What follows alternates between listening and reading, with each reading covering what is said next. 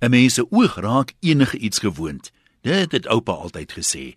Dis hoekom 'n man later trou met 'n vrou wat vir hom aanvanklik maar bra onooglik was.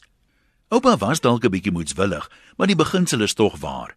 Kaapenaars het in Desember dadelik die motors met die blou GP nommerplate raak sien, omdat hulle oë dit selde sien en gewoond geraak het aan die Kaapse nommers.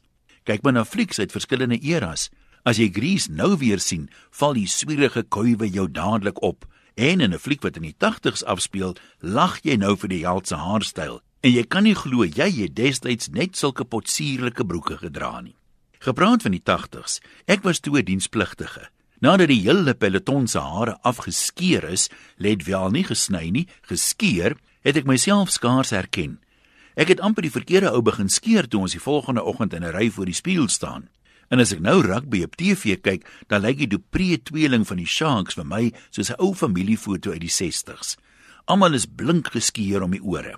Alles net omdat jou oog gewoond geraak het aan iets en jy dan die ander sy dadelik raak sien. En ons vergeet gou.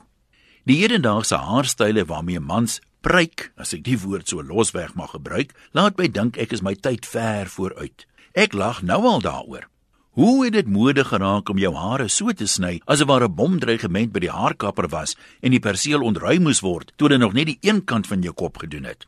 Is dit regtig noodsaaklik dat jy van links en van regs moet lyk soos twee verskillende mense? Ding haarkappers met mekaar mee om te kyk wie kan met die eienaardigste nuwigheid vorendag kom? Of rook die mense net iets wat hulle sadistiese halusinasies gee? Dis alles vrae wat antwoorde soek en dringend. Maar wat van die arme klante wat betaal om so mismaak te word? Wat gaan deur so 'n man se kop? 'n Pel vir my wat 'n sielkundige is, sê daar is mense wie se selfbeeld so swak is dat hulle ten alle koste goedkeuring soek om tog net aanvaar te word en te voel hulle is ook deel van 'n groep.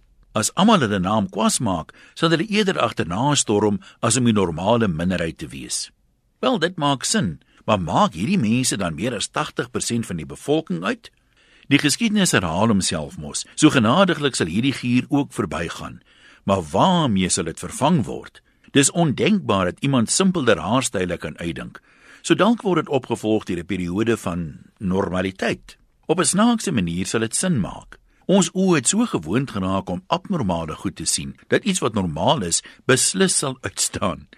Met 'n bietjie geluk spoel dit oor na ander modegiere ook dan kan 'n mens weer heel klere koop en jammer voel vir 'n vrou wat moet rondloop in haar geskeurde jeans. Ai, sal dit nou nie iets wees nie. Groete van oor tot oor, Antoniem.